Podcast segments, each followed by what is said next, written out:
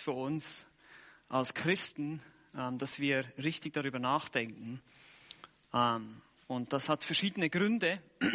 Wir wissen um die ganzen Probleme, die es gibt heute, um die Schwierigkeiten mit, angefangen vielleicht mit Internetsucht, wie es heute genannt wird, Internetpornografie, aber auch ganz andere Dinge, die vielleicht viel subtiler sind, denen wir uns vielleicht gar nicht so bewusst sind ähm, im Umgang mit unserer Technologie.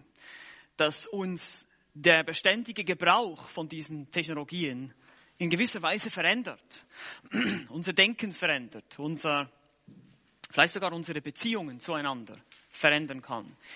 Das sind Dinge, die wir uns nicht in erster Linie überlegen. Jedes Mal, wenn ich jemandem eine WhatsApp-Message schicke über mein Telefon oder sonst irgendwas nachgucke über Google, ich überlege mir das nicht. Und deshalb ist es wichtig, dass wir als Christen uns hinsetzen und darüber nachdenken, dass wir über den Gebrauch von all diesen Dingen nachdenken, die nicht an und für sich böse sind, wie wir schon gesehen haben. Gott hat uns die Fähigkeit gegeben, Technologien zu entwickeln, aber wie benutzen wir sie? Das ist die große Frage. Und damit wollen wir uns beschäftigen. Ich habe auch äh, jetzt erstmal für euch eine Buchempfehlung. Es ist dieses Buch hier. Es heißt wie dein Smartphone dich verändert. Ist gerade auf Deutsch neu erschienen. Ich werde von diesen Büchern, habe ich einige bestellt schon. Die sind heute leider noch nicht da, aber beim nächsten Mal werden die hier ausliegen. Es kostet 12 Euro, ist vom Bethanien Verlag, aber es ist sein Geld wert. Es ist eines der ersten Werke, das ich kenne, äh, das zu diesem Thema spricht. Technologie, vor allem insbesondere digitale, moderne Kommunikationstechnologie, da sprechen wir vor allem drüber, ähm, auf Deutsch. Auf Englisch gibt es schon viel mehr Ressourcen zu dem Thema aber leider auf Deutsch noch nicht. Und das ist das erste Buch. Ihr könnt euch das dann mal anschauen, ein bisschen durchblättern. Ich habe es schon ganz gelesen, ganz verschlungen. Ähm, wirklich, wirklich interessant. Also sehr empfehlenswert. Das einfach mal so als Start. Ich werde noch ein paar Mal auf dieses Buch zu sprechen kommen. Wir wollen uns jetzt heute erstmal diesem Thema widmen. Und ihr seht schon, wir machen als erstes eine Zeitreise in die digitalen Anfänge. Wir müssen uns mit Geschichte befassen, wenn wir über unsere Technologie äh, uns Gedanken machen wollen. Wir müssen verschiedene Fragen beantworten, über die wir, äh, die Nutzer von diesen netten, kleinen, leuchtenden Rechtecken hier, die wir alle in den Händen haben, jeden Tag mehrere Male, die wir uns nicht überlegen. Wir denken nicht darüber nach, woher diese Dinge kommen, wozu sie eigentlich gemacht wurden, man, kann sagen, konstruiert oder geschaffen wurden.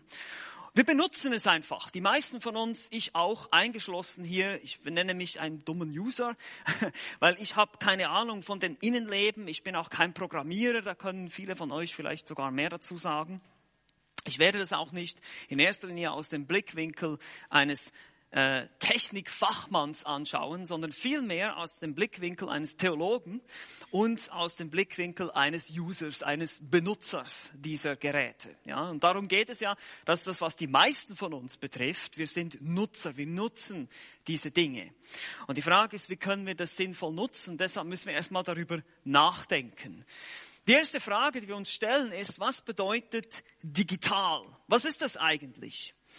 Nun, Einige von euch kennen vielleicht das Prinzip, ähm, äh, als ihr noch Kinder wart, malen mit Zahlen. Da habt ihr so ein Papier und da gibt es verschiedene Zahlen und jede, Zahl, jede Zahl steht für eine Farbe. Zum Beispiel eins ist gelb, zwei ist rot, drei ist violett, was auch immer. Und ihr müsst es dann gemäß diesen Zahlen ausmalen. Das heißt, die Farben dieses Bildes sind kodiert in einen Zahlencode. Und das ist eigentlich genau das, was bei der Digitalisierung im Wesentlichen geschieht. Ich weiß, man könnte das viel komplexer ausdrücken, will ich nicht machen, weiß ich auch nicht ganz genau, sondern mir geht es nur darum, dass wir verstehen, was da geschieht. Die Information des Bildes verbirgt sich sozusagen in den Zahlen, in einem Code. Und wir wandeln diesen Code dann wieder in Farben um, indem wir eben für die Eins das Gelb ausmalen, für die Zwei das Rote und so weiter. Und dann ergibt sich das Bild. Oder auch Computertastaturen. Wenn ihr ein F drückt, oder ein G oder ein S, dann ist da eine Zahl dahinter, ein Code. Ein digitales Foto besteht aus einem riesigen Feld von Punkten und jeder Punkt bestimmt, äh, besitzt eine jeweilige Farbzahl, so wie eine Matrix. Und da gibt es verschiedene Rottöne. Deshalb wird jedem einzelnen Rotton, je nach Helligkeit, wird eine bestimmte Zahl zugeordnet. Alles wird sozusagen, alles was in Bildern oder auch Töne, kann kodiert werden in einen Zahlencode durch einen Wandler. Und dann, äh, wenn man diesen, diese, diese, dieses Bild oder was immer wieder abrufen will, wie dieses mit einem durch einen Wandler wieder umgewandelt in ein Bild. Also wie ein Zahlencode dann wieder zurückgewandelt wird in ein Bild oder in eine, eine Tonquelle oder was immer wir uns, wenn wir Musik hören oder sonst was. Das ist im Wesentlichen, sag mal im Kern, das, was geschieht in diesen, all diesen digitalen ähm, Apparaten, Computer, Smartphones, was auch immer ihr habt und benutzt. Und wir sprechen in den letzten 30 Jahren von der sogenannten digitalen Revolution. Die letzten 30 Jahre ungefähr kann man so nennen. Digitale Technologie ist zu unserem Alltag geworden. Aber nicht nur das. Wie ich schon sagte, es, es beeinflusst die Art und Weise, wie wir denken, wie wir vielleicht sehen oder wie wir eben miteinander umgehen und kommunizieren. Eben heute ruft man meistens niemanden mehr an, sondern man schickt eine Textmessage, eine WhatsApp. Ja, das machen ganz viele von uns ganz gewohnheitsmäßig. Wir denken uns nichts dabei. Aber es verändert die Art und Weise, wie wir denken, wie wir miteinander umgehen unter Umständen. Können es sicherlich auch nicht einfach wegdenken. Wir können jetzt auch nicht einfach davon wegrennen und uns isolieren und sagen, okay, Computer ist schlecht, Smartphone ist schlecht, schmeiß es weg. Das ist keine Lösung. Das ist zumindest keine christliche Lösung. Das wäre eine gesetzliche Lösung. Dass man sagt, okay, lass uns das alles einfach beiseite, wir gehen zurück ins Mittelalter. Ähm, wir, äh, aber dann müsst ihr auch andere Technologien in Frage stellen. Das Auto zum Beispiel oder die öffentlichen Verkehrsmittel oder was immer ihr nutzt jeden Tag, ist Technologie. Wo ist die Linie? Wo ziehen wir die Linie? Wo beginnt das Böse, sage ich mal? Da kommen wir nirgends hin. Das ist kein, macht nicht Sinn. Auch wird heute zum Beispiel in den Schulen, weiß ich, werden zum Beispiel Informationen über WhatsApp ausgetauscht, Hausaufgaben, Meetings werden über Doodle organisiert, wir bearbeiten gemeinsam Dokumente auf Google Doc, ja, mit Google Docs und so weiter und so fort. Also all diese Sachen gehören zum Alltag. Wir können das nicht einfach so uns jetzt isolieren heutzutage fast in jedem Beruf wird es erwartet, dass wir eben diese verschiedenen Medien nutzen und teilweise eben auch erreichbar sind oder eben dann auch damit arbeiten können. Aber, aber, wie gesagt, es birgt große Gefahren. Und wir wollen uns diese Gefahren auch bewusst werden, indem wir eben auch die Geschichte oder die Herkunft dieser verschiedenen Geräte anschauen. Wir kennen viele Gefahren heute, wir kennen junge Menschen, auch ältere Menschen, die förmlich abhängig sind, zum Beispiel von ihren Smartphones, die, man, man sieht die Leute ständig nur noch in dieses Ding reingucken, man hat das Gefühl, man nimmt die Welt nur noch wahr durch diese Teile und man kann es kaum mehr weglegen, man fühlt sich sozusagen fast wie nackt, wenn man das Ding mal irgendwo liegen lässt. Äh, wenn ich irgendwie das Haus verlasse, und ich meinen Schlüssel oder mein Portemonnaie vergesse, dann gerate ich nicht so in Panik, wenn ich mein Telefon vergesse. Ja, also da merken wir, wie wir plötzlich abhängig werden von dieser Technologie, wie wir nicht mehr ohne sein können. Wir werden noch ein bisschen mehr darüber sprechen, auch die Abhängigkeit, wie, wie das zustande kommt, was genau wir eigentlich da ähm, mit diesen Dingen auch, ähm, was wir da begehren eigentlich in dem Sinne, die Ablenkung und andere Sachen. Wir können uns vielleicht nicht mehr ein paar Stunden auf ein Buch konzentrieren, wenn wir ein Buch lesen.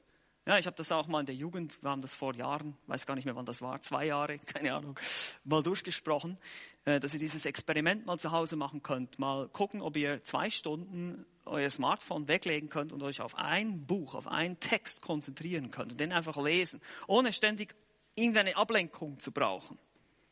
Wir können daran schon erkennen, ob wir, sag mal, Smartphone-süchtig sind, abhängig sind davon. Aber die Frage ist, wie gesagt, wie können wir damit vernünftig umgehen? Diese zwei Extrempositionen, die es gibt, ähm, die können wir nicht übernehmen. Wir können zum Beispiel nicht einfach alles übernehmen. Alles reinziehen, wie man heute sagt. Jede App runterladen, alles was es gibt, reinziehen, reinziehen, reinziehen. Das ist nicht, das ist nicht sinnvoll. Das andere ist eben die strikte Ablehnung, eben wir entfernen die ganze Technologie aus unserem Leben, ist ebenso falsch und ebenso, sag ich mal, pharisäisch. Wir können sogar einen bestimmten pharisäischen Geist entwickeln dadurch. Ja, ich kann zum Beispiel denken, oh, ich nehme jetzt mal diesen Vers, ähm, äh, der kennt die Geschichte vom Pharisäer und vom Zöllner. Schau dir mal diesen Technologieabhängigen darüber. Gott, ich danke dir, dass ich nicht ständig in mein Handy gucken muss. Ja, das ist genauso selbstgerecht wie der andere, der sagt, guck dir mal diesen, diesen Technophoben, der so Angst hat vor dieser Technologie und der hat ja keine Ahnung, das ist ein Hinterwäldler. Ich danke dir, Gott, dass ich nicht so hinterwäldlerisch bin wie der. Also wir können genauso stolz werden und pharisäisch und gesetzlich in diesen Bereichen. Deshalb müssen wir vorsichtig sein und müssen uns überlegen, wie können wir eine gesunde, einen gesunden Umgang mit dieser Technologie ähm, finden. Eben alles übernehmen ist keine Lösung und strikte Ablehnung ist ebenfalls keine Lösung. Lass uns mal jetzt darüber Gedanken machen. Das ist der dritte Punkt heute. Wer ist der Urheber der Technologie? Wer ist eigentlich der Urheber der Technologie? Und die Antwort ist Gott selbst. Gott selbst ist der Urheber der Technologie. Gott, Gott hat uns in einer Art und Weise geschaffen, dass wir die Fähigkeit haben, Technologien zu entwerfen. Ich bitte euch jetzt mal, eure Bibeln aufzuschlagen. Wir wollen ja auch Gottes Wort aufschlagen. Heute im ersten Mose, Kapitel 1, erstes Buch Mose, Kapitel 1. Und da heißt es, in Vers 26. Wir werden uns hier jetzt mal auf ein paar andere Aspekte konzentrieren, was wir normalerweise tun. In 1. Mose 1, 26 heißt es, Gott sprach, lasst uns Menschen machen, nach unserem Bild, uns ähnlich. Diejenigen, die bei den Theologiestunden dabei waren, die wissen, was das bedeutet. Diese Ähnlichkeit, die wir haben mit unserem Schöpfer. Und dann heißt es, die sollen herrschen über die Fische im Meer und über die Vögel des Himmels und über das Vieh und über die ganze Erde, auch über alles Gewürm, das auf der Erde kriecht. Das Bild oder die Ähnlichkeit zu Gott bewirkt eine gewisse Herrschaftsposition. Wir haben einen Auftrag hier. Wir sehen einen Auftrag. Der Mensch soll herrschen. Er soll sich die Schöpfung untertan machen. Und dann in 1. Mose 2,15, das ist der Vers, den ich am Anfang gelesen habe, heißt es, und Gott, der Herr, nahm den Menschen und setzte ihn in den Garten Eden, damit er ihn bebaue und bewahre. Somit hat Gott beabsichtigt, dass in seiner Schöpfung Technologie zur Anwendung kommt. Weil wie willst du ein Feld bebauen ohne Werkzeuge? Also irgendwo gibt es hier bereits einen Hinweis, dass Gott das schon beabsichtigt hat, dass es ein Mandat gibt. Das Bebauen, wie gesagt, kann man auch mit kultivieren damit arbeiten oder sogar Formen verstehen. Es soll die, die Schöpfungsmaterialien nehmen und umformen zu seinen Zwecken, soll der Mensch tun, um damit zu arbeiten, um damit etwas zu schaffen. Und deshalb können wir Technologie im Prinzip wie folgt definieren. Das ist jetzt, jetzt kommt eine Definition, die ihr euch vielleicht aufschreiben wollt. Es ist die kreative Tätigkeit durch Benutzung von Werkzeugen Gottes Schöpfung für praktische Zwecke zu formen. Das ist die Definition. Also wir haben hier eine, eine Aktivität. Es ist kreativ, es ist schöpferisch, weil wir sind ja im Bilde Gottes geschaffen. Wir können zwar nur begrenzt Dinge erschaffen, wir benutzen nämlich das vorgefertigte Material, das Gott uns gegeben hat. Wir können nicht aus dem Nichts erschaffen, so wie er das tut. Wir können nur mit vorgefertigten Dingen arbeiten, aber wir können trotzdem Dinge kreieren, erschaffen, formen, schöpferisch tätig sein. Wir benutzen dazu Werkzeuge, seht die kreative Tätigkeit, durch Benutzung von Werkzeugen.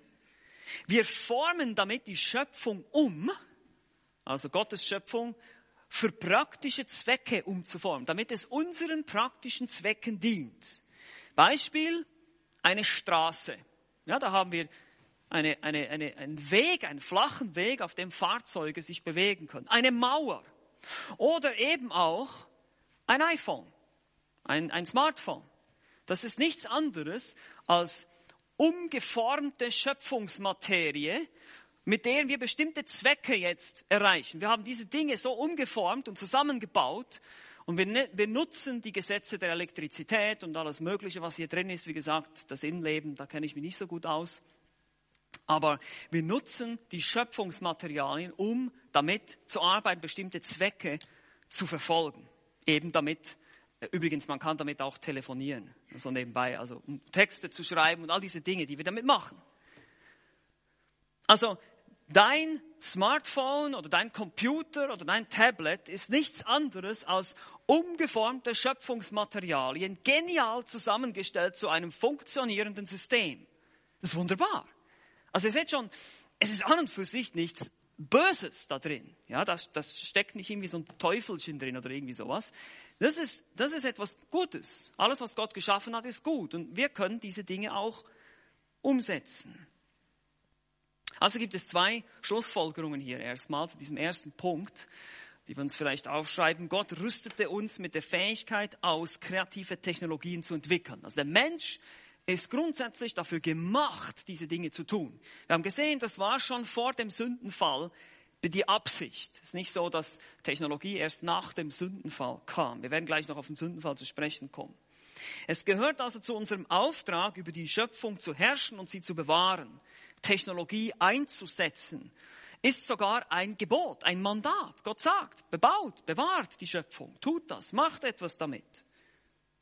Und deshalb, zweitens, Technologie ist also an und für sich nichts Schlechtes, habe ich ja schon gesagt. Das iPhone in meiner Tasche ist grundsätzlich nicht böse. Ja?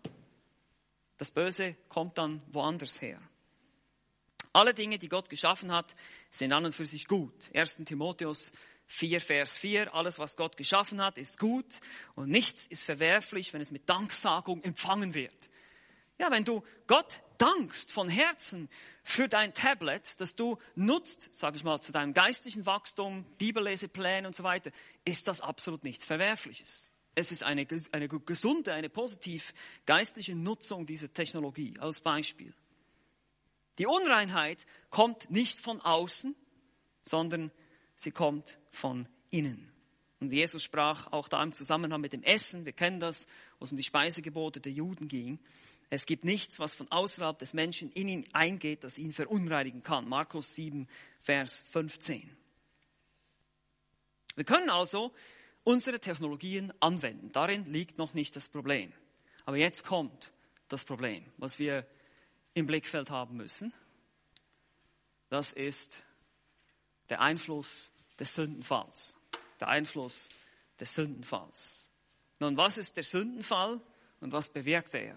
Viele von uns wissen, dass natürlich die ersten Kapitel der, Bibel berichten darüber, wie Adam und Eva in Sünde gefahren sind. Wir sehen das in Kapitel 3.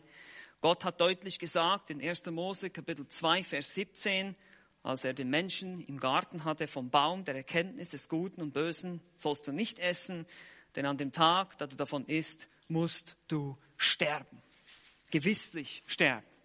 Also Gott hat ganz klar den Menschen gesagt, wenn du davon isst, wirst du sterben. Die ersten Menschen sündigten und starben. Geistlich. Sie sind nicht sofort tot umgefallen. Sie wurden von Gott getrennt. Die Bibel müssen wir verstehen. Tod ist immer Trennung. Trennung letztlich vom Leben, von Gott selbst.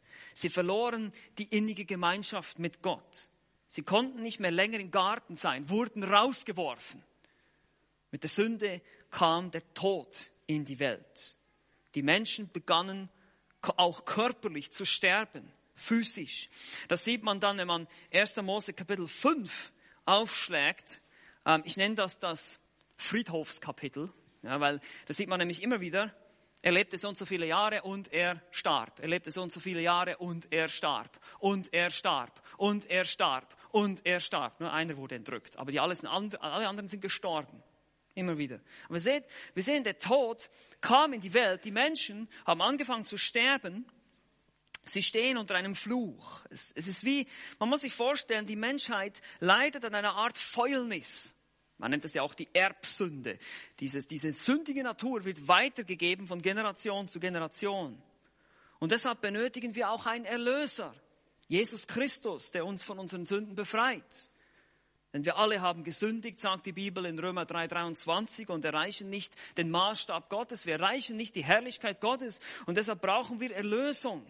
Wir sind unpassend für den Himmel und haben die ewige Strafe in der Hölle verdient und nur Christus, der am Kreuz bezahlt hat, kann uns davon befreien, wenn wir an ihn glauben, auf das vertrauen, was er getan hat. Johannes 3,16, denn so hat Gott die Welt geliebt, dass es einen eingeborenen Sohn gab, damit jeder, der an ihn glaubt, nicht verloren geht, sondern ewiges Leben habe. Nun aber nochmal zurück zum Sündenfall. Nämlich nicht nur der Mensch, jetzt kommt ein wichtiger Punkt, nicht nur der Mensch ist unter diesen Fluch gefallen, unter diesen Tod, unter diesen Zerfall, sondern die gesamte Schöpfung kam in diese Vergänglichkeit. In Römer Kapitel 8, Vers 20 heißt es, die Schöpfung ist der Nichtigkeit unterworfen worden, der Vergänglichkeit. Alles stirbt, nicht nur wir, sondern auch die Pflanzen und die Tiere und alles in der Schöpfung, wenn es sich selbst überlassen wird, zerfällt. 1. Mose 3 macht uns deutlich, dass der Sündenfall die Welt, eigentlich das gesamte Universum veränderte, nämlich vergänglich machte. 1. Mose 3, 17. 1. Mose 3,17. Zu Adam sprach er, weil du der Stimme deiner Frau gehorcht und von dem Baum gegessen hast, von dem ich dir gebot und sprach, du sollst nicht davon essen, so sei der Erdboden verflucht um deinetwillen. Mit Mühe sollst du dich davon nähren dein Leben lang. Dieser Fluch, der Erdboden, die Erde ist verflucht. Das ist die Vergänglichkeit, das ist der Tod. Eine andere Stelle, die das ebenfalls deutlich macht, ist Römer 5, Vers 12, dass der Tod zu allen durchgedrungen ist. Die Welt ist, in eine, ist, ist zu einer feindlichen Umgebung geworden. Tod, Krankheit und andere Gefahren lauern nun überall. Das gesamte Universum ist gefahren. Der Grund, warum alles, alles da draußen zerfällt und stirbt, das müssen wir uns mal vorstellen. Da draußen, ganz weit draußen im Universum, im Weltall gibt es Sonnen die riesig sind, die x-mal größer sind als unsere Sonne. Unsere Sonne ist so groß, dass 109 Erden im Durchmesser Platz finden. Aber diese Sonnen sind 2000 Mal und noch größer als unsere Sonne hier. Und diese Sonnen sterben wegen uns, weil wir gesündigt haben. Das ganze Universum zerfällt, weil wir gesündigt haben. Unsere Sünde brachte den Fluch. Und Technologie bekommt jetzt eine ganz neue Bedeutung in diesem Zusammenhang. Wir brauchen nun nämlich plötzlich Technologie auch um zu überleben. Zum Beispiel Waffen zur Verteidigung, Werkzeuge, umso mehr Werkzeuge zum Bebauen der Erde, weil es nämlich jetzt hart geworden ist, weil es Unkraut gibt und all diese Dinge.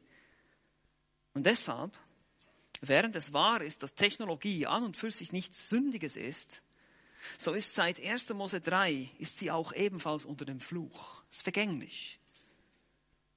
Wie gesagt, das Telefon zum Beispiel in deiner Tasche ist nichts Böses.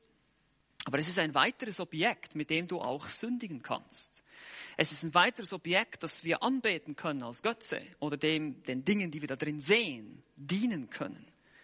Dass wir unser Herz daran hängen und weggezogen werden von der Anbetung Gottes. Auch hat unser verdorbenes Herz nun die Fähigkeit, ebenfalls verdorbene Technologien zu entwickeln. Ja, wir müssen das verstehen. Aus verdorbenen Menschen kommen verdorbene Dinge, die ursprünglich zu, zu negativen, zu sündigen Zwecken geschaffen wurden. Das heißt nicht, dass wir sie nicht auch für unsere Zwecke nutzen können, aber wir müssen umso vorsichtiger sein. Die Technologie, die um uns herum ist, wurde zu sündigen Zwecken und Zielen erschaffen, größtenteils. Die meisten Entwickler sind keine Christen die diese verschiedenen Geräte erschaffen. Das müssen wir uns bewusst sein. Und wenn wir weiterschauen in der Urgeschichte, ein paar Kapitel weiter im ersten Buch Mose, kommen wir ins Kapitel 11. Und im ersten Mose Kapitel 11, die Geschichte des Turmbaus zu Babel, gibt uns Einblicke in diesen Missbrauch der Technologie. Was der Mensch damit macht letztlich. Weil der Mensch baut sich jetzt hier einen Turm. Ihr kennt äh, die Stelle 1. Mose 11. Ich lese hier ab Vers 1. Hier heißt es, und die ganze Erde hatte eine Sprache und dieselben Worte. Und es geschah, als sie nach Osten zogen, da fanden sie eine Ebene im Land Sinear und wohnten dort und sie sprachen einer zum anderen, wohlan, lasst uns Ziegel streichen und hart brennen. Technologie, ja? Und der Ziegel diente ihnen als Stein und das Erdharz diente ihnen als Mörtel. Also hier haben wir schon Bautechnik. Ne? Und sie sprachen, wohlan, bauen wir uns eine Stadt und einen Turm, dessen Spitze an den Himmel reicht, und machen wir uns einen Namen, dass wir nicht zerstreut werden über die ganze Erde. Nun, wem wollen Sie hier einen Namen machen mit Ihrer Technologie? Sich selbst. Sich selbst. Sie wollen Dinge zu ihrer eigenen Ehre erschaffen, kreieren. Und auch, das eine ist zu ihrer eigenen Ehre und das zweite ist, damit sie nicht zerstreut werden, entgegen dem Befehl Gottes, sich über die Erde zu verteilen. 1. Mose 9, Vers 7 hat er gesagt, ihr sollt euch verteilen über die Erde. Das tun sie nicht. Das heißt, sie, sie bauen, sie kreieren Technologien einerseits, um sich selbst zu erhöhen, sich selbst zu ehren, andererseits, um Gott widerspenstig zu sein. Wir kennen das Ende der Geschichte. Gott richtet sie, indem er ihre Sprachen verwirrt. Deshalb sitzt ihr jetzt in Schulen und müsst Fremdsprachen lernen. Ja. Und jemand hat mal, einer meiner Lehrer damals, eine Hebräischklasse, hat mal gesagt, weißt du, der Grund, warum ihr hier sitzt und so einen Krampf habt, einen Kampf habt, ist, Gott hat die Sprachen verwirrt. Und wenn Gott etwas tut, dann tut er es richtig. Und deshalb ist es so schwer, andere Sprachen zu lernen. Aber das ist das Ende der Geschichte. Die Menschen zerstreuen sich und das ist das Gericht, das über sie kommt. Aber was wir davon lernen ist, dass es heute genauso ist, dass wir viele Technologien dazu entwickelt werden, sich gegen die Schöpfungsordnung oder gegen den Schöpfer aufzulehnen, den Menschen zu Gott zu machen. Die Urlüge im Garten Eden, ihr werdet sein wie Gott. Man glaubt tatsächlich auch heute, das könnt ihr öfters mal lesen, wenn ihr euch ein bisschen äh, mal mit verschiedenen solchen Entwicklern und Leuten, die, die schreiben auch über solche Entwicklungen beschäftigt, dass man glaubt, dass Technologie den Menschen verbessern wird. Wir werden bessere Menschen durch unsere Technologien. Auch wenn sie letztlich zu verkehrten Zwecken entwickelt wurde, muss es nicht heißen, dass wir sie nicht einsetzen dürfen, aber wir müssen verstehen, dass da eine, eine Botschaft in der Maschine ist, sozusagen. Das Ding wurde zu einem bestimmten Zweck entwickelt. Wir müssen verstehen, wozu es entwickelt wurde. Weil sonst besteht, steht, besteht die Gefahr, dass wir falsch damit umgehen. Dass wir nicht vorsichtig und weise damit umgehen. Aber lasst uns jetzt hier erstmal kurz innehalten und drei Schlüsselgedanken formulieren, um das Ganze jetzt ein bisschen zusammenzufassen. Äh, drei Gedanken hier. Wie gesagt, erstens, Technologie ist Gott gegeben. Das ist eine Aufgabe, die wir haben. Also wir nutzen Technologien, wir erschaffen Technologien und widerspiegeln eigentlich letztlich Gottes Bild in uns. Also wir, wir leben nach diesem Zweck, den Gott uns gegeben hat, sozusagen. Dann aber zweitens haben wir gesehen, es ist unter dem Fluch des Sündenfalls die Technologie, die wir entwickeln. Und deshalb, drittens, definiert der Gebrauch, ob es gut ist oder schlecht, oder der beabsichtigte Nutzen. Das steht jetzt hier nicht, das könnt ihr noch dazu schreiben, der Gebrauch oder der beabsichtigte Nutzen. Wir müssen, wir müssen uns Gedanken machen, wozu wurde es gemacht und wie wollen wir es nutzen, um es einfach auszudrücken. Also die zwei Fragen, die wir uns immer stellen müssen, ist erstens, wozu wurde ein Gerät entwickelt oder was immer es ist? Und zweitens, was bewirkt mein Gebrauch dieser Technologie?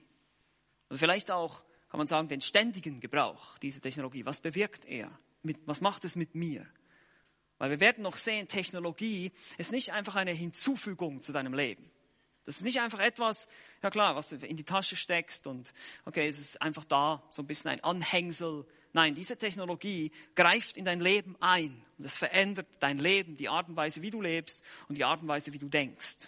Und das muss uns bewusst sein. Und deshalb ist die Frage, fördert es Sünde in meinem Leben? Im Leben anderer? Bringt es mich in Versuchung? Solche Fragen müssen wir uns stellen. Fördert es das Evangelium, die Gemeinde? Können wir es damit fördern oder geht das gar nicht? Wir verstehen also, dass Christen die Freiheit haben, ja sogar die Verantwortung haben, sich in der Entwicklung und im Einsatz von Technologie zu beteiligen. Keineswegs, wie gesagt, sollen wir uns einfach aus dem Internet zurückziehen und aus allen Social Media zurückziehen. Das wäre falsch als Christen. Wir sollen auch da, wir sollen in der Welt sein, nicht äh, von der Welt, aber wir sollen in der Welt sein, ein Zeugnis sein, auch auf dem Cyberspace, auch auf dem Internet, auch in den Social Media. Auch mit unseren Smartphones und was immer wir haben.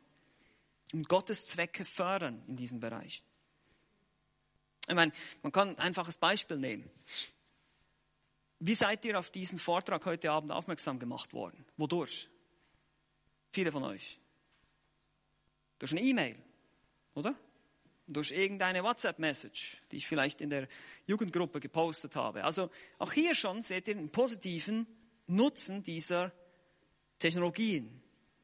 Und so können wir evangelisieren, wir können äh, es gibt Blogs, es gibt Webseiten, die hilfreich sind, Audiopredigten, die wir uns anhören und so weiter und so fort. Es gibt viele Beispiele, aber auch hier in, unserer, in unserem Gebäude hier die Mikrofonie, die elektronischen Instrumente, die alles, was wir hier haben, vieles wird zur Ehre Gottes eingesetzt. Aber wie ich euch schon sagte, wenn es vor allem auch um die, und darum soll es ja vor allem gehen, um die digitalen Technologien geht, wir haben vorhin von der von den letzten 30 Jahren gesprochen, diese digitale Revolution, dann müssen wir uns auch mal ein bisschen noch mit digitaler Geschichte befassen. Das ist unser fünfter Punkt heute Abend, digitale Geschichte. Weil das ist etwas, worüber wir sicher nicht so oft nachdenken. Wie gesagt, diejenigen von uns, die noch die Zeiten erlebt haben, wo es noch keine Smartphones gab und keine Tablets und nicht mal Internet, ähm, die können sich das vielleicht eher vorstellen, aber gerade unsere jungen Leute von heute, die damit groß werden, selbstverständlich ist, dass man einfach das Internet hat, immer dabei, immer in der Hosentasche. Meine Lieben, das war nicht immer so. Okay? Wir sind uns nicht bewusst, dass die Technologie, die wir heute besitzen, für die letzten fast 2000 Jahre keine Selbstverständlichkeit war. Die Welt im 19. Jahrhundert, ich glaube, wir haben ein bisschen Genau. 19. Jahrhundert war komplett anders als die heutige Zeit. 19. Jahrhundert, das ist auf einem Zeitstrahl der Geschichte noch nicht so lange her. Wir denken jetzt vielleicht, oh, das ist über 100 Jahre, aber das ist nicht viel der Weltgeschichte. Es war komplett anders. Und verschiedene Schriften und Dokumente aus dieser Zeit geben uns Einblick die Aufzeichnungen zum Beispiel einer gewissen Laura Ingalls Wilder reichen zum Beispiel vom Zeitalter des Pferdes bis zum Flugzeug. Sie war 90 Jahre alt, als sie starb. Das war 1957. Genau, Laura Ingalls Wilder starb mit 90 Jahren in 1957. Die Boeing 707 flog das erste Mal. Hier haben wir dieses schöne Flugzeug das flog zum ersten Mal. Diese Maschine bewältigte eine Reise in wenigen Stunden, für die sie selber als kleines Mädchen mit ihrer Familie Monate benötigte. Das ist riesiger, schneller Fortschritt innerhalb von 90 Jahren. Um unsere Technologie zu verstehen, müssen wir auch die historischen Entwicklungen verstehen, die dahinter stehen und zu unseren heutigen Technologien geführt haben. Das beginnt ja nicht mit dem digitalen Zeitalter, das geht ja weiter zurück. Wir haben im Jahre 1801, das ist auch ein anderes Beispiel, im Jahre 1801 hatte der Durchschnittsamerikaner oder auch Durchschnittseuropäer mehr Waffen und bessere Werkzeuge als der antike Mensch. Also der, der durchschnittliche Mensch im 1801 herum hatte bessere Werkzeuge und bessere Waffen als die Menschen zur Zeit Jesu. Aber die Informationen oder Güter konnten nicht schneller transportiert werden als, hier habe ich glaube ich auch noch ein Bild, per, wenn es denn funktioniert. Sind wir dann die Technik, genau, hier haben wir es, per Pferd. Ja, hier haben wir es Pferdchen. Stellt euch das mal vor, die hatten bessere Werkzeuge. Fast 1800 Jahre später konnten Informationen immer noch nicht schneller transportiert werden als mit dem Pferd. Eine Reise von Boston nach New York, das sind 354 Kilometer, ist heute vier Stunden Autofahrt, dauerte drei volle Tage. Oder Berlin-Nürnberg hier, 440 Kilometer sind vier Tage. So schnell geht die Post zum Beispiel. Also wenn ich dir einen Eilbrief schreibe, dann musst du vier, fünf Tage warten. Obwohl die Menschen damals 1800 Jahre nach Jesus lebten, konnten sie ihre Waren und Informationen nicht schneller von einem Ort zum anderen bringen als die alten Römer und Griechen. Ungefähr in der Mitte des 19. Jahrhunderts, ich mache meine Technologie hier schlapp. Nochmal, hier. Genau. Hier geht's weiter, ungefähr in der Mitte des 19. Jahrhunderts veränderte die Erfindung der Dampfmaschine und der Dampflokomotive die Reisegewohnheiten des Menschen für immer. Das erste Mal seit 1800 Jahren konnte der Mensch sich schneller bewegen, als, die bisherige, als es in der bisherigen Geschichte möglich war. 1844, hier wurde der Telegraph erfunden von Samuel Morse. Diese war das erste Kommunikationsmittel, welches Menschen ermöglichte, über eine längere Distanz zu kommunizieren. Schneller ging als das Pferd. Ja. Was war die Folge davon? Die Folge davon war, hier haben wir ein Bild von einem Telegraphen, wie das ausgesehen hat. Nach fast tausenden von Jahren wurde unsere Welt auf einmal kleiner. Wir sprechen heute auch von Global Village. Ja, also die Welt wird plötzlich klein durch diese Kommunikationsmittel. Nicht unbedingt die Transportmittel, das ist noch eines, das auch schon, die Dampfmaschine und verschiedene andere Dinge, aber dann vor allem der Telegraph. Und das Interessante ist beim Telegraphen, also da hat man einfach so diese Kurznachrichten übermitteln können, sieht man Vorschattungen des heutigen Internetverhaltens. Es gab zum Beispiel Online-Romanzen oder Leute, die sich über Telegraph verlobten und sogar heirateten. Ist interessant. Also es ist nicht so was Neues, wie wir immer denken, diese Sachen, sondern es geht weit in die Geschichte zurück. Aber was geschah ist, Informationen wurden zu einer neuen Handelsware. Ja, zum Entertainment. Vor der Erfindung des Telegraphen war die lokale Zeitung der Hauptlieferant von aktuellen lokalen Informationen, die auch relevant waren für das Leben in und an dem Ort, wo man lebt. Ihr müsst euch vorstellen, die Nachrichten betrafen vor allem den Ort, wo du lebst, das Dorf, in dem du lebst, sozusagen. Und jetzt haben wir plötzlich Zugang zu Informationen, die von weit her kommen zu denen wir aber keinen innigen Bezug mehr haben. Wir haben keinen persönlichen Bezug mehr, das sind einfach nur noch Informationen. Und so verlangte der Leser nicht mehr nach tiefgründigen Analysen aktueller lokaler Themen, sondern vielmehr nach einer größeren Menge von kleinen Happen von Informationen von weit her. Schon da, in der Zeit des Telegraphen. Die Menschen wussten nun viele Fakten, aber hatten wenig persönlichen Bezug dazu. Daraus ergibt sich Oberflächlichkeit. Das ist das Problem. Es ergibt sich eine gewisse Oberflächlichkeit. Man stumpft irgendwo ab. Und wir, wir, kennen das von heute. Ich meine, wir lesen die Nachrichten, wir lesen es gar nicht mehr wirklich, ja, wenn wir ehrlich sind. Wir gucken uns ein paar Bilder an, lesen ein paar Überschriften. Äh, hier ein Mord und hier wurden 20 Leute getötet und hier ist jemand um. Versteht ihr? Und, und das, das berührt uns irgendwie gar nicht mehr. Wir, wir sind fast ein bisschen abgehärtet. Durch diese ganz, durch diese vielen Informationen, die ständig auf uns einfließen. Aber wie gesagt, das war hier erst der Anfang dieser Entwicklung. Äh, in 1946 besitzen circa 1 bis 1,5 Prozent der Haushalte in den USA einen Bildschirm. Stell dir das mal vor. 1946, 1 bis 1,5 Prozent haben einen Bildschirm. Und die sahen so aus. Okay, also das nur einfach, das ist, das ist noch nicht so lange her. 1999 ist der Fernseher die Nummer eins in den USA. Freizeitbeschäftigung, die Nummer eins. Also wir reden dann von 98 Prozent, 99 Prozent aller Haushalte. Und die sehen dann so aus plötzlich. Das ist übrigens, glaube ich, der erste Pionier Flachbildschirm, den ich hier gefunden habe im Internet. Also dazu kommt nun noch die gesamte Entwicklung der digitalen Kommunikation, der Internet, der sozialen Medien, die dann noch dazukommen. Was ist geschehen? Was ist geschehen? Was ist hier, was sind die Entwicklungen? Was, was ist passiert in der Gesellschaft? in die wir heute leben. Das ist ganz, ganz wichtig zu verstehen für uns. Wir sind durch die, durch die, zuerst die Industrialisierung, also Erfindung Dampfmaschine, Telegrafen, moderne Kommunikation, dann eben auch vor allem dann die Bildmedien, Fernseher, Bildschirme, Computer und so weiter, von einer schriftbasierten zu einer bildbasierten Kultur geworden. Das ist Ganz interessant. Leute glauben nicht mehr länger, was sie lesen, sondern was sie sehen. Wir auch. Ihr kennt das Sprichwort, ein Bild sagt mehr als tausend Worte. Das ist Blödsinn. Okay? Das ist nicht wahr. Das ist sehr gefährlich, diese Aussage. Ein Bild sagt eigentlich nicht viel aus.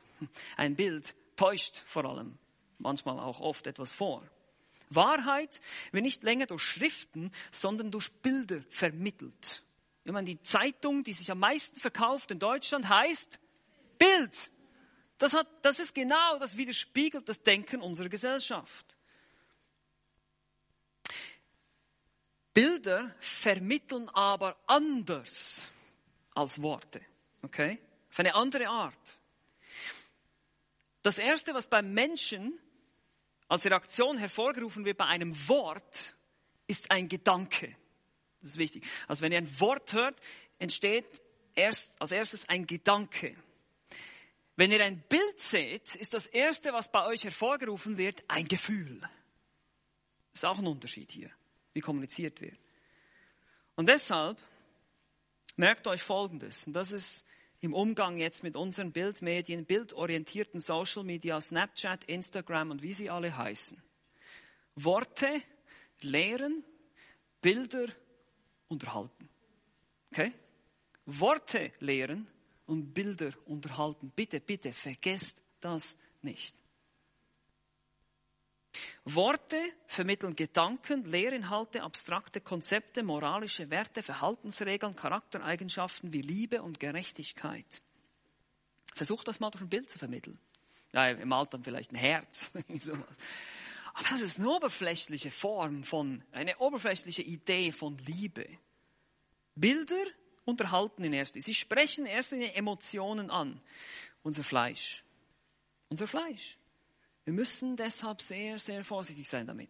Es das heißt nicht, dass alle Bilder schlecht sind. Das will ich damit nicht sagen. Versteht mich nicht falsch. Es gibt sehr schöne Bilder, die wir anschauen dürfen und sollen, die wir auch genießen. Menschen, die Maler sind und wunderbare Bilder kreieren.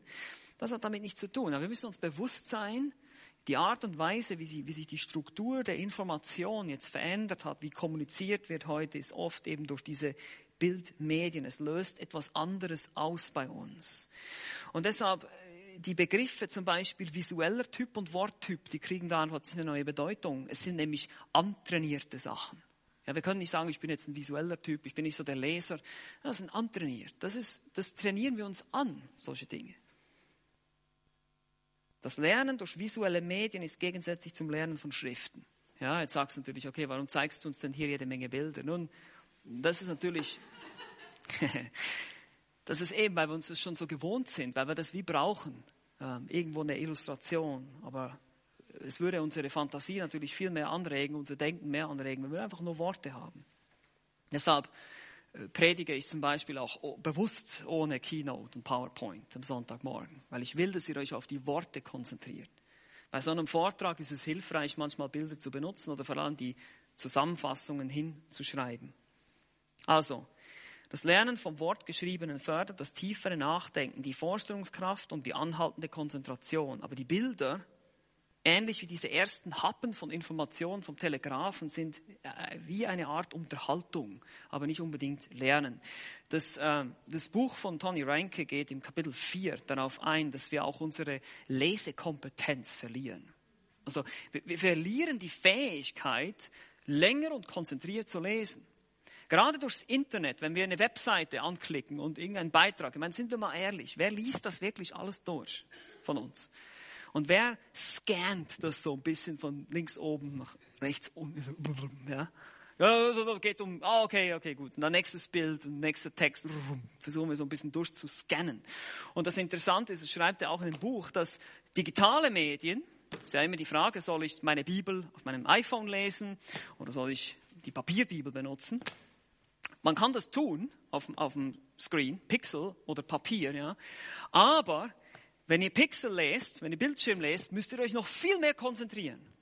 Weil durch den Einfluss und den Nutzen des Internets, das wir ständig, was wir uns gewohnt sind, sind wir uns viel mehr gewohnt, digitale Texte einfach so schnell zu überfliegen anstatt wirklich tiefgründig zu lesen. Deshalb, wenn ihr eure Bibeln lest, ich empfehle euch auch eine Papierbibel zu benutzen, aber wenn ihr eure Bibeln auf euren Devices lest, dann müsst ihr euch noch viel mehr konzentrieren. Das ist ein interessanter Artikel hier im Kapitel 4, könnt ihr durchlesen, verschiedene Experimente, die auch gemacht wurden mit Leuten, die eben vom Bildschirm gelesen haben, andere von Papierseiten, wie viel sie dann wirklich behalten konnten und wiedergeben konnten. Das ist ganz, ganz spannend, das zu lesen. Und äh, auch überführend übrigens. Also dieses Buch, wenn ihr das lest, ihr werdet teilweise merken, oh, ich muss meine Gewohnheiten wohl ein bisschen ändern wieder. Also mir ging es so, auf jeden Fall. Aber nochmal zurück zu der bildorientierten Gesellschaft, um ein anderes Beispiel, eine Illustration für euch zu bringen. Wie oft beurteilen wir Personen heute nach ihrem Aussehen? Ja? Nach ihr, als, als, als wirklich nach ihren tatsächlichen Kapazitäten oder Wissen. Ja, heute wird vielleicht äh, jemand nicht mehr Präsident, weil er besonders fähig ist, sondern gut aussieht. Okay, gut, es gibt Ausnahmen. es gibt Ausnahmen. Aber das ist tatsächlich so. Wir gucken uns ein Bild an und machen uns sofort ein Urteil über seinen Charakter oder wie, der, wie, die Person halt ist, weil er sympathisch aussieht, eine gute Ausstrahlung hat, gut aussieht, haben wir das Gefühl, oh, das ist ein sehr netter Typ und der ist sicher super als Präsident oder als Chef oder als was auch immer. Und das zeigt irgendwo unsere Bildorientiertheit, wie wir uns schon daran gewöhnt haben, an diese Dinge. Aber nochmal zurück in die Zeit vor unseren digitalen Medien. Wie kam es dazu? Nun, der Fernseher bekam also bald einen Konkurrenten. Das ist das Morgengrauen des digitalen Zeitalters. Ich will euch das noch kurz ein bisschen zeigen hier äh, in den, was war das, 70er Jahren. Es begann in den 70er Jahren. Äh, das Morgengrauen der des digitalen Zeitalters kamen die ersten Personal Computer auf den Markt. 1976 und 1981 kamen die ersten Apple, Commodore und PCs. Langsam, sperrig und völlig lahm aus unserer heutigen Perspektive. Aber damit, äh, hier habt ihr noch ein Bild vom Apple One, wie das ausgesehen hat, eine Holzkiste. Ja, denkt man, was, das ist ein Computer, echt? Das ist ein Witz. Aber was damit geschah, ist, man brachte die Kraft und Effizienz der Computer an die Massen. Das ist die Idee von dem Wort Personal Computer. Du hast deinen eigenen persönlichen Computer, deine persönlichen Maschinen. Und diese persönlichen Maschinen, die dann an die Gesellschaft verteilt wurden, jeder persönlich, es war nicht mehr so eine Sache, die nur große Firmen hatten, sondern jeder konnte plötzlich selber so einen Computer haben endete in einer radikalen Trennung unserer Gesellschaft in zwei Schichten. Also es geschah sozusagen eine Art Generationentrennung. Das ist das, was ich schon ein bisschen am Anfang äh, angesprochen habe. Nämlich eine jüngere und eine ältere Generation.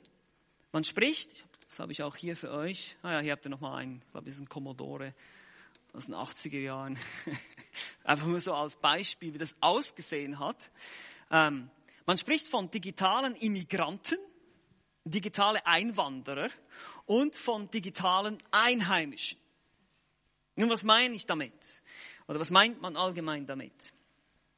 Die Immigranten, also die erste, die Einwanderer, das hat jetzt nichts mit irgendeiner Ausländerpolitik oder irgendwas zu tun hier, okay? Es geht überhaupt nicht darum. Sind all jene, die vor 1980 geboren wurden. Also ich gehöre auch noch dazu. Mein Geburtsjahr ist 1977. Ich bin auch ein digitaler Immigrant. Das bedeutet, diese sind in gewisser Weise in das digitale Zeitalter hineingezwungen worden.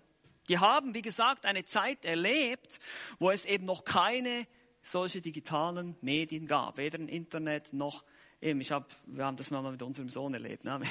war das David Elia, ich weiß nicht mehr genau, wo ich gesagt habe, ja damals gab es nur ein Festnetztelefon. Was ist das?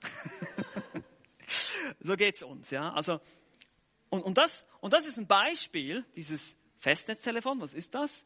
Ist ein Beispiel für einen digitalen Einheimischen. Das sind Leute, die, die das nur so kennen, die das nie anders kennengelernt haben. Das ist natürlich eher die jüngere Generation.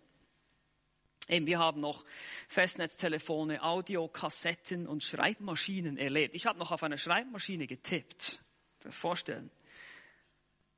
Und sie mussten sich nun an unsere moderne Zeit, Internet, E-Mail, Computer und so weiter gewöhnen. Und manchmal lächeln wir so ein bisschen darüber, ja. Vielleicht habt ihr das auch schon erlebt. Ich weiß nicht, wenn ihr euren Eltern oder Großeltern zum Beispiel ein iPad schenkt oder so, ist es manchmal ganz lustig. Wir machen uns manchmal ein bisschen lustig darüber, wie sie damit umgehen und nicht klarkommen. Aber das ist genau dieses, diese Schwierigkeit für jemanden, der Jahre seines Lebens ohne diese Dinge gelebt hat, jetzt sich plötzlich noch an diese Sachen zu gewöhnen.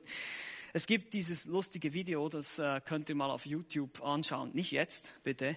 Ähm, Opas iPad, ja, wo Opa in der Küche steht und Kartoffeln schert, also schneidet und dann kommt die Tochter rein und fragt ihn, ja, wie er mit seinem iPad zurechtkomme und er denkt, ja, ganz gut, ganz gut.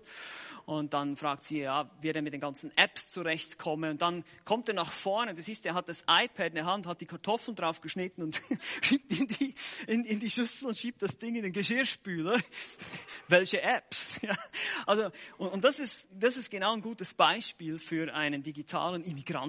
Eben. Jemand, der natürlich übertrieben und lustig und humorvoll, aber trotzdem ist der Grund, warum viele ältere Leute damit nicht klarkommen. Ja. Hingegen, wie gesagt, digitale Einheimischen, die kannten nie eine Welt ohne digitale Technologie. Sie sind sozusagen mit dieser Realität groß geworden. Sie kannten vielleicht nie eine Zeit ohne Tablet, Smartphone, Facebook und was auch immer. Es war immer da. Genauso wie vielleicht das Auto oder der Supermarkt.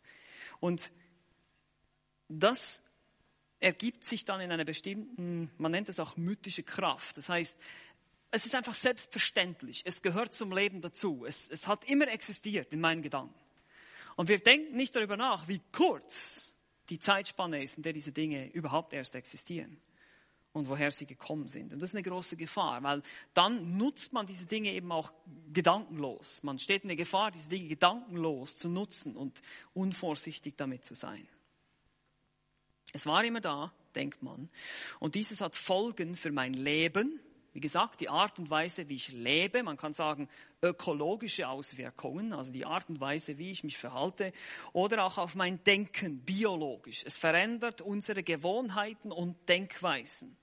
Wir werden nochmal darauf eingehen, wenn wir die nächsten Vorträge dann anschauen, wie die Technologie uns verändert. Teilweise spricht eben auch das Buch hier davon, vor allem natürlich konzentriert auf das Smartphone, aber das gilt auch für andere Technologien. Ähm, genau, aber das ist, werden wir ein anderes Mal, also nächstes Mal anschauen. Als digitaler Einheimischer, nur als Beispiel, gibt es für dich kaum mehr einen Unterschied, ob du offline oder online bist. Früher hat man sich an den Computer gesetzt und man ist online gegangen. Stell dir das mal vor. Heute bist du eigentlich immer online mit deinem, mit deinem Smartphone. Du bist immer erreichbar über WhatsApp. Identität online und die reale Welt verschmelzen in einer gewissen Art und Weise. Diese Trennlinie verschwindet zwischen der virtuellen Realität und der wahren Realität. Und ich poste mein Leben online. Ich lebe vielleicht sogar online. Ich erfinde meine Persönlichkeit neu online. Das führt zu einer Entkörperung, dass ich nicht mehr wirklich in der realen Welt, sondern vielmehr in dieser künstlichen Welt lebe. Ich benutze keine CDs mehr. Ich weiß nicht, wer weiß von euch, was eine Laserdisc ist? Wer hat diese Zeit noch erlebt? Eine Vinylplatte, ja? Man redet überhaupt nicht mehr darüber. Das ist alles Download heute. Das ist alles Download. Aber eben, das ist deine Welt. Du kennst nichts anderes in deiner Erfahrung. Und das ist die Gefahr, die damit zusammenhält, dass wir durch unsere Erfahrung denken, es ist alles harmlos, es ist alles okay, es ist kein Problem, ist halt so, macht ja jeder. Und wir sind uns nicht bewusst, dass wir beispielsweise mit unserem Smartphone einen extrem leistungsfähigen Computer in unserer Hosentasche haben. Ein absolut messerscharfes, auch gefährliches Werkzeug, das wir auch völlig missbrauchen können. Oder eben wirklich zu guten Zwecken einsetzen. Und deshalb erfordert es einen weisen Umgang mit diesen Dingen. Also nochmal, was sind die Folgen dieser Entwicklung, all diesen Dingen, die wir jetzt gesehen haben, diese Veränderungen in der Struktur, äh, die, die, die ganze Revolution, erst industriell, dann auch digital, jetzt eben auch diese äh, Veränderung, neue Generation, die das als selbstverständlich nimmt. Ähm, hier sind die Folgen über uns, äh, über diese Entwicklung, denken unsere Umwelt. Kurz zusammengefasst. Erstens, wir denken von uns und anderen zunehmend in Form von Information. Wir denken von uns und anderen zunehmend in Form von Information. Wir denken, sehen unser gesamtes Universum nur noch als Ansammlung von Daten. Wie gesagt, das ist eine Gefahr, die damit verbunden ist. Wir empfangen, wie gesagt, unzählige Nachrichten jeden Tag, sei das über Textmessaging oder über deine News-Apps. Wir bekommen so viel Information, dass nie durch einen Filter des kritischen Denkens gegangen wird. Weil du so viel Information hast die ganze Zeit, beginnst du einfach das nur noch so als Information wahrzunehmen und gar nicht mehr zu verarbeiten. Information muss verarbeitet werden, damit sie zu Wissen wird. Und Wissen muss verarbeitet werden, damit sie zu Weisheit wird oder angewendet werden. Und wir stecken jetzt irgendwo immer bei Phase 1. Wir denken, viel Information gleich gut. Stimmt nicht. Wir wissen letztlich alles über nichts. Wir wissen sehr viel über eigentlich gar nichts, weil wir überhaupt gar keinen innigen Bezug mehr haben zu irgendeinem von diesen verschiedenen Themen, die wir vielleicht lesen in den Nachrichten. Wir beginnen alles nur noch mit dem Computer zu tun, vergessen, wie man Dinge auch ohne Computer erledigen kann, Handschrift zum Beispiel. Das bringt, das, das bringt eine gewisse Oberflächlichkeit, auch in unsere Beziehungen zueinander. Ja, wir sehen einander mehr als Datenansammlung als an Person. Ja, weil wir, wir, ich, kenne, ich kenne vielleicht ein Facebook-Profile und, und ein WhatsApp-Picture und all diese Dinge, aber, aber habe ich wirklich Kontakt zu dir als Person, zu deiner Seele, Gemeinschaft? Also es gibt, wie schon gesagt, eine gewisse Entkörperung, die damit äh, einhergehen kann, wenn man nur noch sich auf diesen Technologien ausruht. Es bringt eine gewisse Oberflächlichkeit in unsere Beziehungen, auch in unsere Denkweise. Wir wissen nur noch Stückchen hier und Stückchen da. Ich meine, überlegt euch mal, ihr geht, sagen wir mal, du, du kommst nach Hause nach einem äh, anstrengenden Tag und du nimmst dein Smartphone und du gehst auf Facebook ja. Und dann siehst du einen Beitrag von einem Freund von dir über eine Katze, ein lustiges Video über eine Katze, dann liest du äh, Nachrichten über Korea, äh, zwei, drei Sätze, dann hörst du irgendwas über eine Puppe, die irgendwo erfunden wurde, eine große Schrottmaschine, die riesige Autos verschrotten kann. Und schon hast du 30 Minuten oder 15 Minuten damit verbracht, aber irgendwie, es ist völlig zusammenhangslos, was ich mir alles angeguckt habe. Völlig zusammenhangslos. Und da müssen wir vorsichtig sein, dass wir uns da nicht zerstreuen lassen in unseren Gedanken.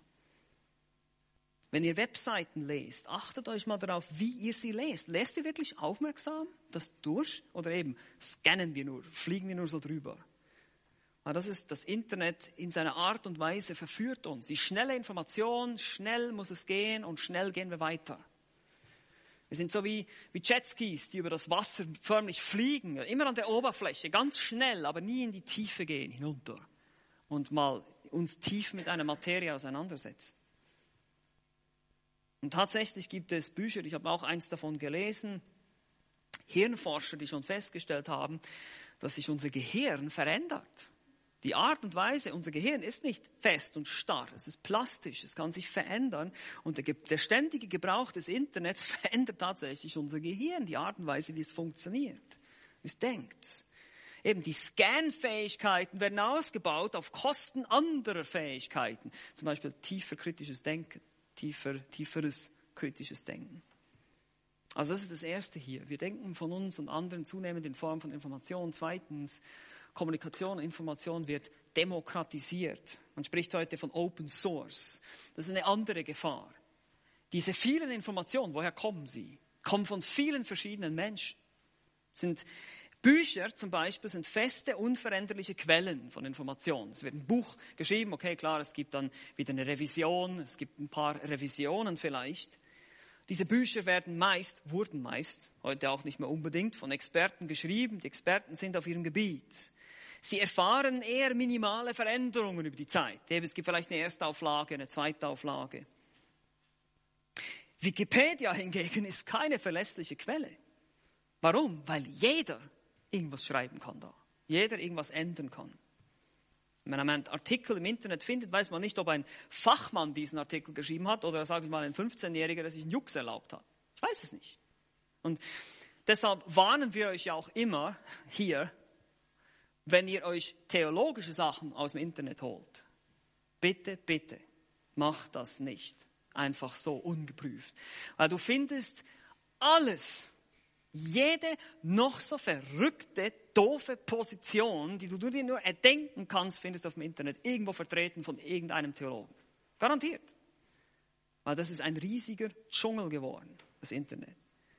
Es ist alles offen zur Diskussion. Es gibt kaum feste Wahrheit. Eben, Wahrheit geht über Konsens. Das ist einfach das, was die meisten denken, das ist wahr. Jeder kann seinen eigenen Artikel oder seinen Blog, ich meine, du kannst auf Google gehen, kannst du deinen eigenen Blog starten und Artikel verfassen. Kein Problem. Kann jeder heute. Aber die Folge davon ist natürlich, viel Information mit sehr wenig Gehalt. Und das ist unser Problem. Das kritische Denken und das Verarbeiten bleibt dadurch auf der Strecke. Man sagt heute, dass ein Blog-Eintrag nicht mehr als 250 Worte haben darf, sonst wird er gar nicht gelesen. Also nur 250 Worte darf man haben auf einen Blog-Eintrag, sonst wird er überflogen, also gar nicht wirklich gelesen. Wir kennen Twitter, das zunächst nur auf 140 Zeichen beschränkt war. Heute ist es ein bisschen anders jetzt. Aber wir sehen einfach diese, man will nur noch kurze Hauptmann-Informationen haben. Viel Information mit sehr wenig Gehalt. Also wir fassen das nochmal zusammen. Wir befinden uns in einer ganz neuen Welt. Und ich hoffe, es ist natürlich jetzt eine Chat-Tour gewesen, das ist mir auch bewusst. Man müsste sich noch viel länger damit befassen. Aber ihr seht so ein bisschen, wie die Entwicklung in den letzten 100 Jahren, kann man sagen, 200 Jahren, rasant, rapide und immer schneller wird. Wir finden uns in einer Welt, es ist ein Dschungel der Information. Wie gesagt, Information. Information ist noch kein Wissen und Wissen ist noch keine Weisheit. Wir stecken immer hier in der Informationsebene. Und davon gibt es massenhaft. Unüberschaubar. So viel Information, so viel könnt ihr gar nicht lesen, so viele Dinge, wie es gibt im Internet. Können wir gar nicht aufnehmen. Und der Gehalt ist damit weg. Es ist sozusagen wie ausgedünnt. Es ist schwierig zu verifizieren. Ich kann aufs Internet gehen und verschiedenste Verschwörungstheorien über die, zum Beispiel über die Twin Towers finden, warum das Flugzeug da nicht wirklich reingeflogen ist und die Amerikaner das selber gesprengt haben und was weiß ich nicht alles. Allen, allen Unsinn finden wir da. Videos, die das zeigen, wie, wie die Explosion kurz vor dem, Ein, äh, vor dem Einprall, also bevor das Flugzeug da reinfliegt, wirklich zuerst explodiert und ja, und dann kommen diese ganzen Theorien. Wir können alles finden. Es ist die Gefahr, äh, und es ist einerseits Gefahr, andererseits Gelegenheit auch für uns Christen. Der Christ in der heutigen Zeit muss sehr vorsichtig sein, denn mit diesen Medien läuft er über ein Minenfeld von Gefahren. Wie gesagt, darüber werden wir noch nächstes Mal deutlicher sprechen. Auf der anderen Seite gibt uns die Technologie neue, ungeahnte Möglichkeiten an die Hand. Wir haben das gesehen. Es ist nicht grundsätzlich schlecht. Es ist zwar ein Minenfeld, aber man kann es nutzen. Man muss wissen, wie. Es sind ungeahnte Möglichkeiten, die es noch nicht einmal vor 50 Jahren gab.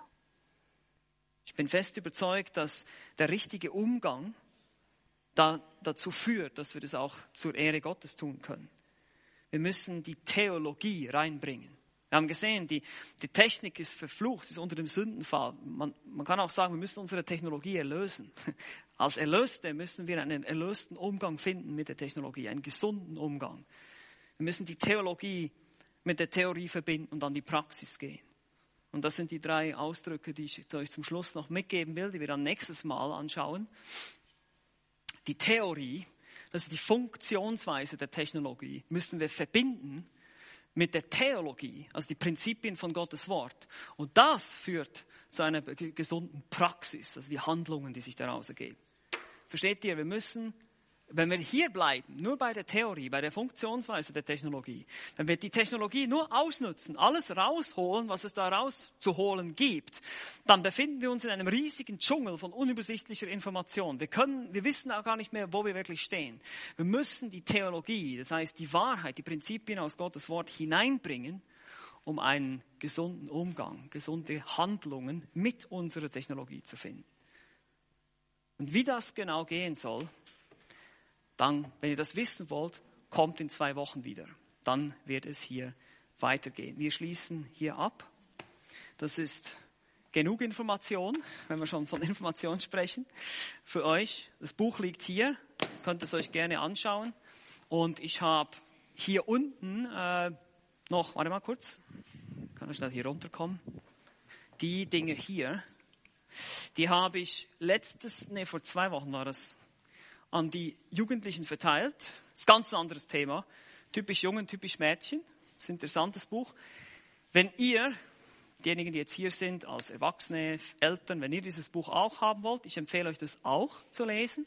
Das ist auch für Eltern wichtig, dass ihr seht, was eure Jugendlichen gelesen haben. Dann könnt ihr euch hier noch eins holen. Es geht einfach um die Art und Weise, wie Mädels denken, wie Jungs denken, auch um Sexualität und Beziehungen und solche Themen. Es ist relativ kurz und knapp zusammengefasst, ist sehr hilfreich. Das dürft ihr euch einfach auch mitnehmen, wenn ihr wollt. Gut, das war's. Lasst uns noch gemeinsam beten und dann haben wir noch ein bisschen Gemeinschaft. Vater im Himmel, ich danke dir für diesen Tag, danke für die Möglichkeit, uns mit diesen Themen auseinanderzusetzen, wie wir als gläubige Menschen die Technologie, die du uns gegeben hast, die Fähigkeit, diese Technologien zu erschaffen und zu entwickeln, zu deiner Ehre einzusetzen. Bitte hilf uns erstmal zu verstehen, in welchen, an welchem Punkt der Geschichte wir uns befinden, wie, woher diese Dinge kommen und welche Entwicklungen dazu geführt haben, auch schon nur durch die Entwicklungen allein sehen können, welche Gefahren damit verbunden sind, gerade mit der Bildorientiertheit und solchen Sachen. Hilf uns, dass wirklich, äh, dass uns das bewusst ist, dass wir einen bewussten Umgang finden und deshalb auch einen verantwortungsvollen Umgang mit unseren Technologien, dass wir nicht einfach alles aufsaugen und alles ein, reinziehen, was uns über den Weg läuft, aber uns auch nicht isolieren davon, sondern die, die Möglichkeiten zu deiner Ehre nutzen können. Danke für deine Güte und Gnade, die uns befähigt, dein Wort, das uns hilft und Prinzipien an die Hand gibt. Danke für diese Zeit jetzt in Jesu Namen. Amen.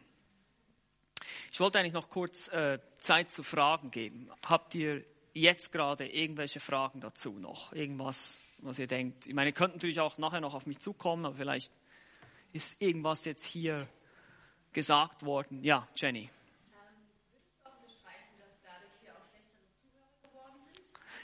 Ja, ja, das hat auch einen Einfluss, genau. Allgemein die Zerstreuung, äh, also das Lesen natürlich, aber auch als Zuhörer, dass man abgelenkt wird, vor allem durch die Ablenkung. Ihr kennt das vielleicht, wenn ihr irgendwo äh, mit jemandem zu Tisch sitzt und der sagt, der macht das hier.